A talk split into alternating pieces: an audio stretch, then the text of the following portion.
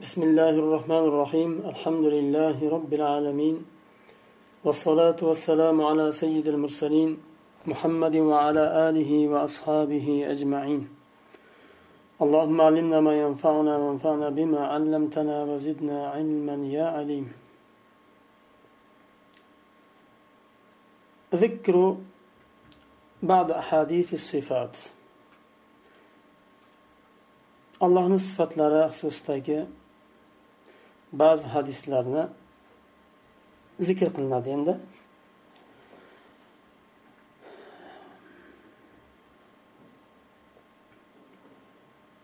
ومن السنة قول النبي صلى الله عليه وسلم ينزل ربنا تبارك وتعالى كل ليلة إلى سماء الدنيا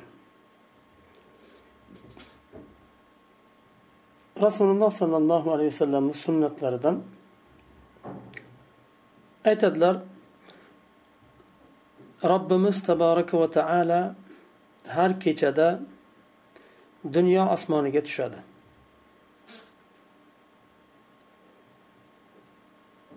sharh الصفة العاشرة النزول. وننت صفة نزول صفته. نزول الله إلى سماء الدنيا من صفاته الثابتة له بالسنة وإجماع السلف. الله سبحانه وتعالى نزول دنيا أسمانية تش سنة بلان وسلفلرنين إجماع بلان ثابت بغن صفات لردندر قال النبي صلى الله عليه وسلم ينزل ربنا إلى السماء الدنيا حين يبقى ثلث الليل الآخر فيقول من يدعوني فأستجيب له الحديث متفق عليه رسول الله صلى الله عليه وسلم aytadilar robbimiz dunyo osmoniga tushadi kechani uchinchi qismi qolganida va aytadi kim duo qiladi فاستجيب له men uni ijobat qilaman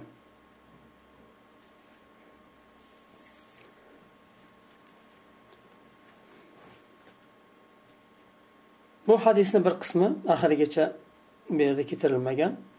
Bu yerda muhim bo'lgan narsa nuzul sifati bo'lgani uchun faqat shuni bir qismi keltirilgan hadisni.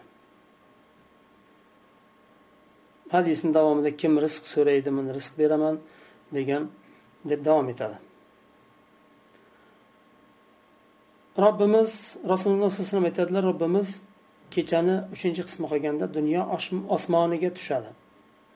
va aytadiki kim duo qiladi men ijobat qilay bu hadis dalolat qiladi alloh subhanava taoloni dunyo osmoniga tushishiga dalolat qiladi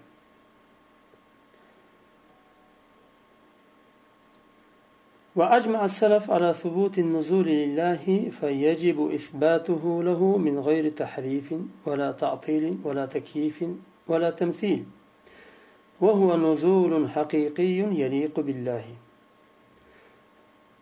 سلف الصالح إجماع قلدا الله تعالى الله تعالى نزول صفته صابت bo'lganiga ijmo qilishdi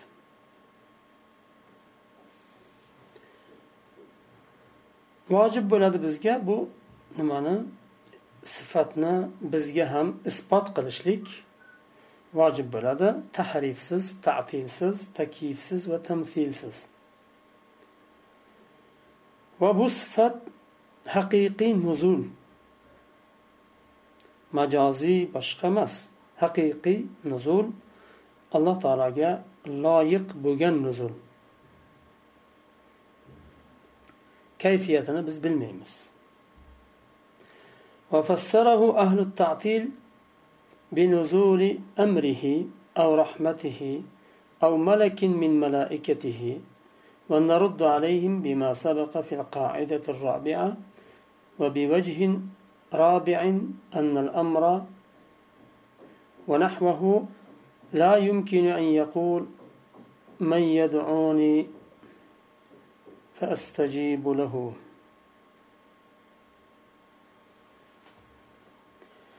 Ta'til ahllari ta'til bir narsani bekorga chiqarmoq. Ta'til ahllari bu sifatni nuzul sifatini allohni o'zi tushmaydi.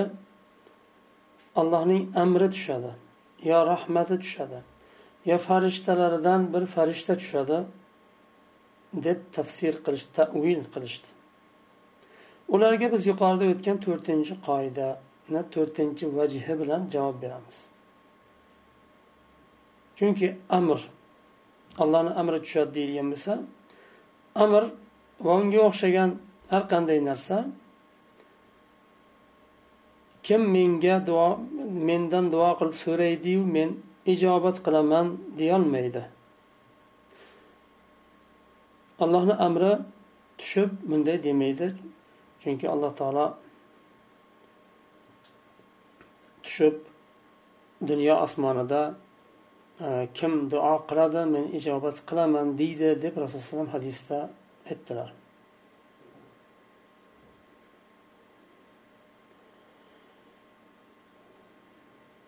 endi o'n birinchi sifat ajab قوله يعجب ربك من الشاب ليست له صبوة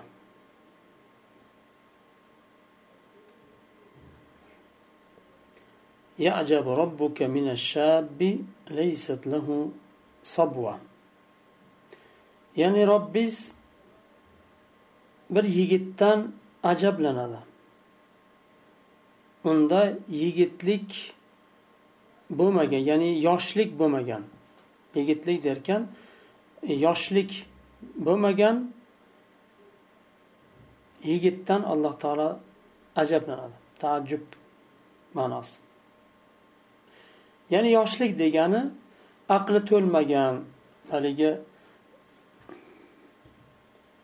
nima deydi uni?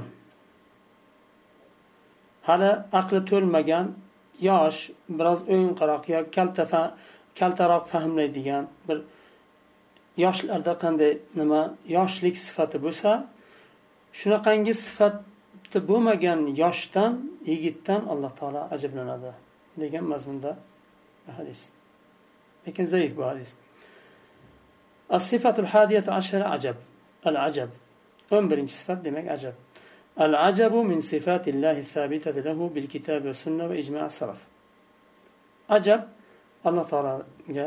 salaf sobit bo'lgan sifatlardandir kitob bilan sunnat bilan va salaflarning ijmosi bilan. Bala bal ajibta va yaskharun oyatni ham keltiribdilar. Ala qiroati dammitta. Bu yerda bal ajibta muxotob bo'lyapti. Alloh taolo rasuliga xitob qilyapti. Siz ajablandingiz balki siz ajablandingiz.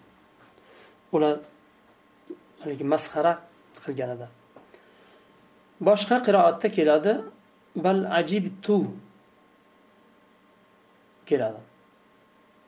Agar tu domma bilan keladigan bo'lsa ajibtu ya'ni man ajablandim bo'ladi. Ajablandim bo'ladigan bo'lsa bu alloh taoloni kalomi olloh aytyapti.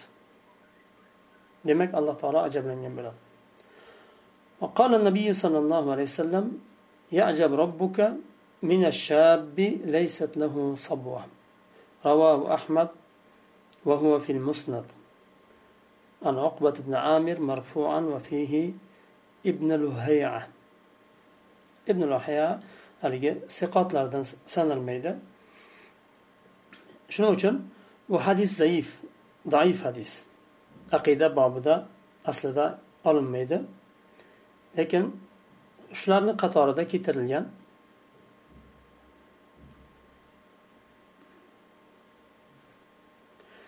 وأجمع السلف على ثبوت العجب لله فيجب إثباته له من غير تحريف ولا تعطيل ولا تكييف ولا تمثيل وهو عجب حقيقي يليق بالله salaf solih ijmo qilishdi. Ajab sifati alloh taoloda sobit bo'lishligiga. Chunki qur'onda sunnatda keldi bu sifat demak biz isbot qilamiz. Demak isbot qilishlik uni alloh taologa bu sifatni isbot qilish vojib bo'ladi. Tahrif ta'til takyif va tamthilsiz va bu sifat haqiqiy ajab ajablanish allohga loyiq bo'lgan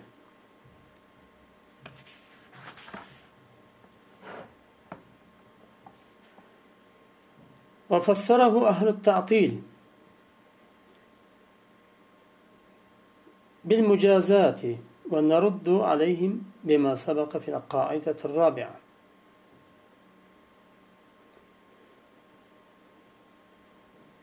Ahli tatil buni tafsir qilishda mukofotlashlik deb tatil qilishdi buni ham yuqorida o'tgan to'rtinchi qoidani rad qilamiz يعني عجب ikki xil bo'ladi أحدهما أن يكون صادرا عن خفاء الأسباب عن المتعجب فيدهش فيندهش له ويستعظمه ويتعجب منه وهذا النوع مستحيل على الله لأن الله لا يخفى عليه شيء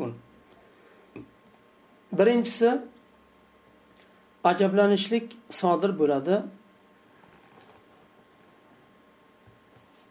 ajablanuvchi kishiga ajablangan narsani sabablarini maxfiy bo'lishidan sodir bo'ladi ajablanuvchi kishi bir narsadan ajablandi ajablanganini ham sababi shu narsani sabablari u kishiga maxfiy bo'lgani uchun ajablanadi. Hayron bo'ladi. Qanday bo'ldi bu deb. U dahshatlanadi hayron qoladi bu bo'lgan ishga. Chunki u aqli qabul qilmay qolishi mumkin yo hayron qolishi mumkin qanday bo'ldi bu? Sababini nimalarini tushunmay qolishi mumkin shundan ajablanadi.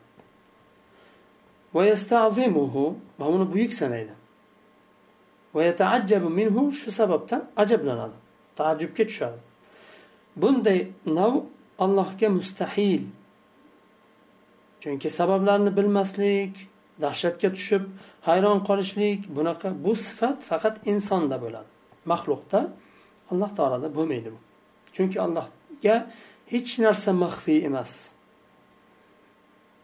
Har bir dunyoda sodir bo'ladigan narsa allohni amri bilan irodasi bilan sodir bo'ladi. Sodir bo'lmasdan oldin alloh taolo biladi buni demak bu bu birinchi navdagi taajjublanish allohga mustahil bo'lishi mumkin emas. Faqat maxluqotlarda bo'ladi. Tatil ahllari shu narsani olib maxluqotlarda bo'ladigan taajjubni olib xoliqqa nima? Qiyos qilishgan. Shuning uchun rad qilishgan الثاني أن يكون سببه خروج الشيء عن نظائره أو أما ينبغي أن يكون عليه مع علم المتعجب وهذا هو الثابت لله تعالى endi ikkinchi turi tajab taajjublanishni taajjublanishni sababi bir narsani o'zini tenglaridan chiqishligi o'zini odatidan. Odatda shunday bo'lishlik kerak.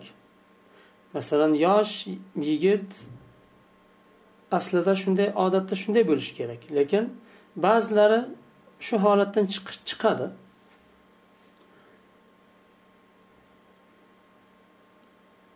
Mutaajjib ya'ni taajjublanadigan kishi uni biladi bu narsani. Va taajjublanganini sababi ham shu nimadan? Nazoirlaridan ya'ni tenglaridan o'zini tengidan chiqishi. Bu narsani allohga sobit deymiz.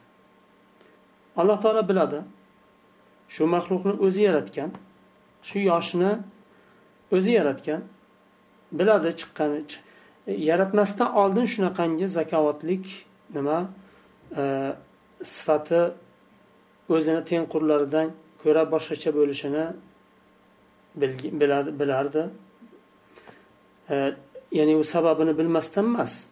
Lekin taajjublanish haligi yosh bo'lib turib aqli o'zini tengqurlaridan katta va sifati boshqacha bo'lishligi. lekin yuqorida o'tgandek bu hadis zaif aslida shunday bo'lishiga qaramasdan ajab sifati taajjublanishlik sifati qur'onda ham kelgani uchun nimani boshqa e, isbot qilamiz uni وقوله يضحك الله إلى رجلين قتل أحدهما الآخر ثم يدخلان الجنة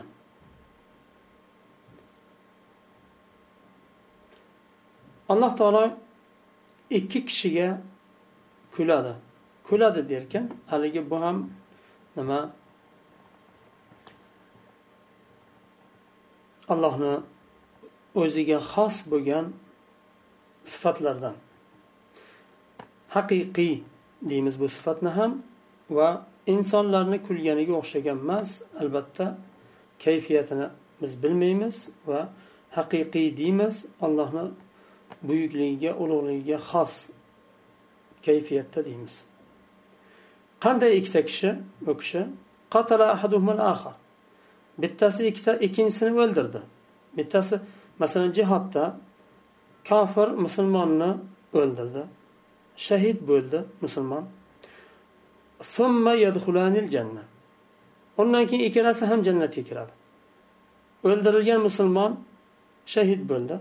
Undan keyin o'ldiruvchi kofir edi. U tavba qilib islomni qabul qildida u ham haligi iymonda vafot qilgandan keyin jannatga kiradi.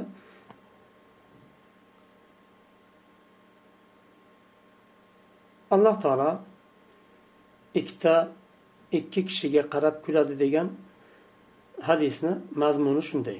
Ya'ni bittasi ikkinchisini o'ldirgan o'lgan kishi musulmon shahid bo'ldi. undan keyin o'ldirgan kishi dinda emas edi musulmon emas edi undan keyin tavba qilib islomga kiradi va iymonda o'lib turib jannatga kiradi sharh الصفة الثانية عشرة الضحك ونكنج صفة كلش الضحك من صفات الله من صفات الله الثابتة له بالسنة وإجماع السلف كلشlik allohni sifatlaridandir. Sunnat bilan va salaflarning ijmosi bilan sobit bo'lgan allohning sifatlaridandir. قال النبي صلى الله عليه وسلم يضحك الله إلى رجلين يقتل أحدهما الآخر يدخلان الجنة وتمام الحديث يقاتل هذا في سبيل الله فيقتل ثم يتوب الله على القاتل فيستشهد متفق عليه bu hadis muttafaqun alayhi. Hadis buxoriy va muslimda kelgan. Rasululloh sollallohu alayhi vasallam aytadilar alloh taolo ikki kishiga qarab kuladi. Birisi ikkinchisini o'ldirib o'ldirgan va ikkalasi ham jannatga kirgan. Ikki kishiga qarab. Hadisni tamomi yuqotilu hada fi sabilillah. Bunisi ya'ni birisi ulardan allohni yo'lida jang qilgan. Fayuqtalu. O'ldirildi. Shahid qilindi ya'ni. Undan keyin alloh taolo o'ldiruvchini tavbasini qabul qilib kechiradi. Bu ham shahid bo'ladi. Ya'ni tavbasini qabul qilishligi islomni qabul qilib undan keyin fayastashid shahid bo'ladi demak u kishi ham jang qilib jangda allohni yo'lida shahid bo'ladi va ikkalasi ham jannatga kiradi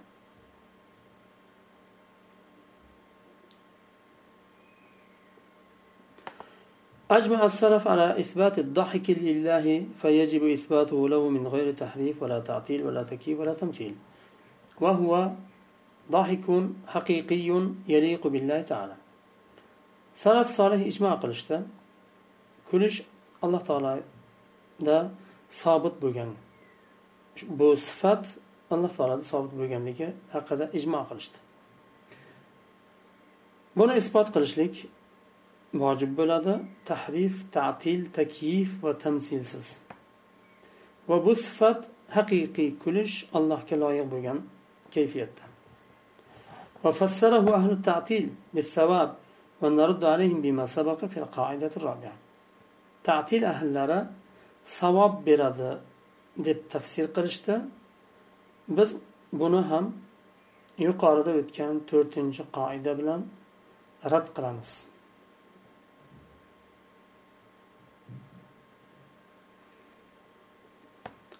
فهذا وما أشبه مما صح سنده. وعدلت رواته. نؤمن به ولا نرده ولا نجحده ولا نتأوله بتأويل يخالف ظاهره ولا نشبهه بصفات المخلوقين ولا بسمات المحدثين محدثين. ونعلم أن الله سبحانه وتعالى لا شبيه له ولا نظير ليس كمثله شيء وهو السميع البصير bu yuqorida o'tgan oyat hadislar va ma ashbaha va bularga o'xshaganlar bularga o'xshagan yana boshqa hadislar mimma sahha sanaduhu sanadi sahih bo'lgan va oddilat rovatuhu roviylari adolatli bo'lgan Hadislar bo'lsa biz unga iymon keltiramiz rad qilmaymiz bu hadisni. Vala najhaduhu inkor ham qilmaymiz. Uni zohiriga xilof bo'lgan tavil bilan tavil ham qilmaymiz. Zohiri nima? Zohiri nuzul bo'lsin yo kalom yo kulish yo taajjublanish bularni hammasini zohiri lafzi lafzda kelgan ma'nodan boshqa ma'noga dalolat qilmaydi. Faqat ahli ta'til shubha bilangina buni tavil qiladi. Ya'ni tushadi desak maxluqqa o'xshatib qo'yamiz kayfiyat bo'lishi kerak falon bo'ladi piston bo'ladi deb ular shubhaga tushib qoladida allohni maxluqlariga o'xshatib qo'yamiz degan qo'rqinch bilan tavil qilishga zohiriga muxolif tavil qilishga majbur bo'lishadi. Biz unday qilmaymiz chunki zohira uni bildirmaydi aslida. Ular gumon qilgan shubha qilgan narsani zohiri bildirmaydi aslida. Falsafani ko'p o'qiganligidan falsafachilar shu nimaga tushib qolgan? Chunki har bir narsani falsafaga qiyoslab bo'lmaydi. Falsafa bu dunyodagi qonun qoida nimalar? Ya'ni uxroviy narsalarni yoyinki bu dunyoga aloqasi bo'lmagan narsalarni nimaga bu dunyoga qiyos qilib bo'lmaydi?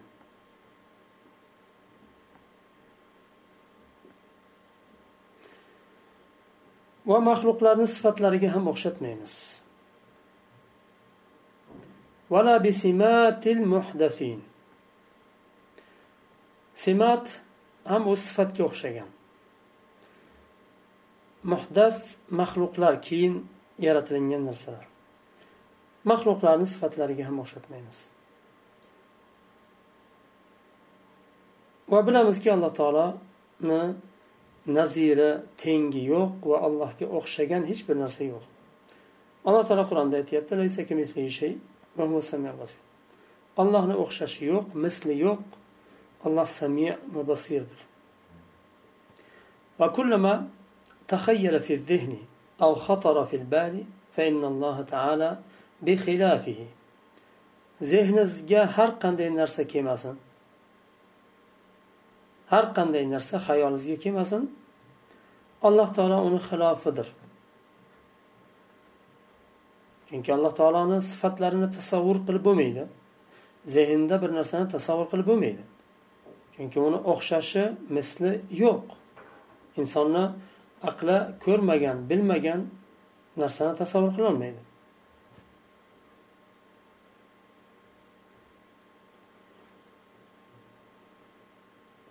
aslida tavil tavilchilar tasavvur qilgani uchun shu shubhaga tushib qolgan. tushish deganda bu dunyodagi tushishni maxluqlarni tushishini tasavvur qilib turib xoliqni shunga qiyos qilganini natijasi ular shubhaga tushib qolgan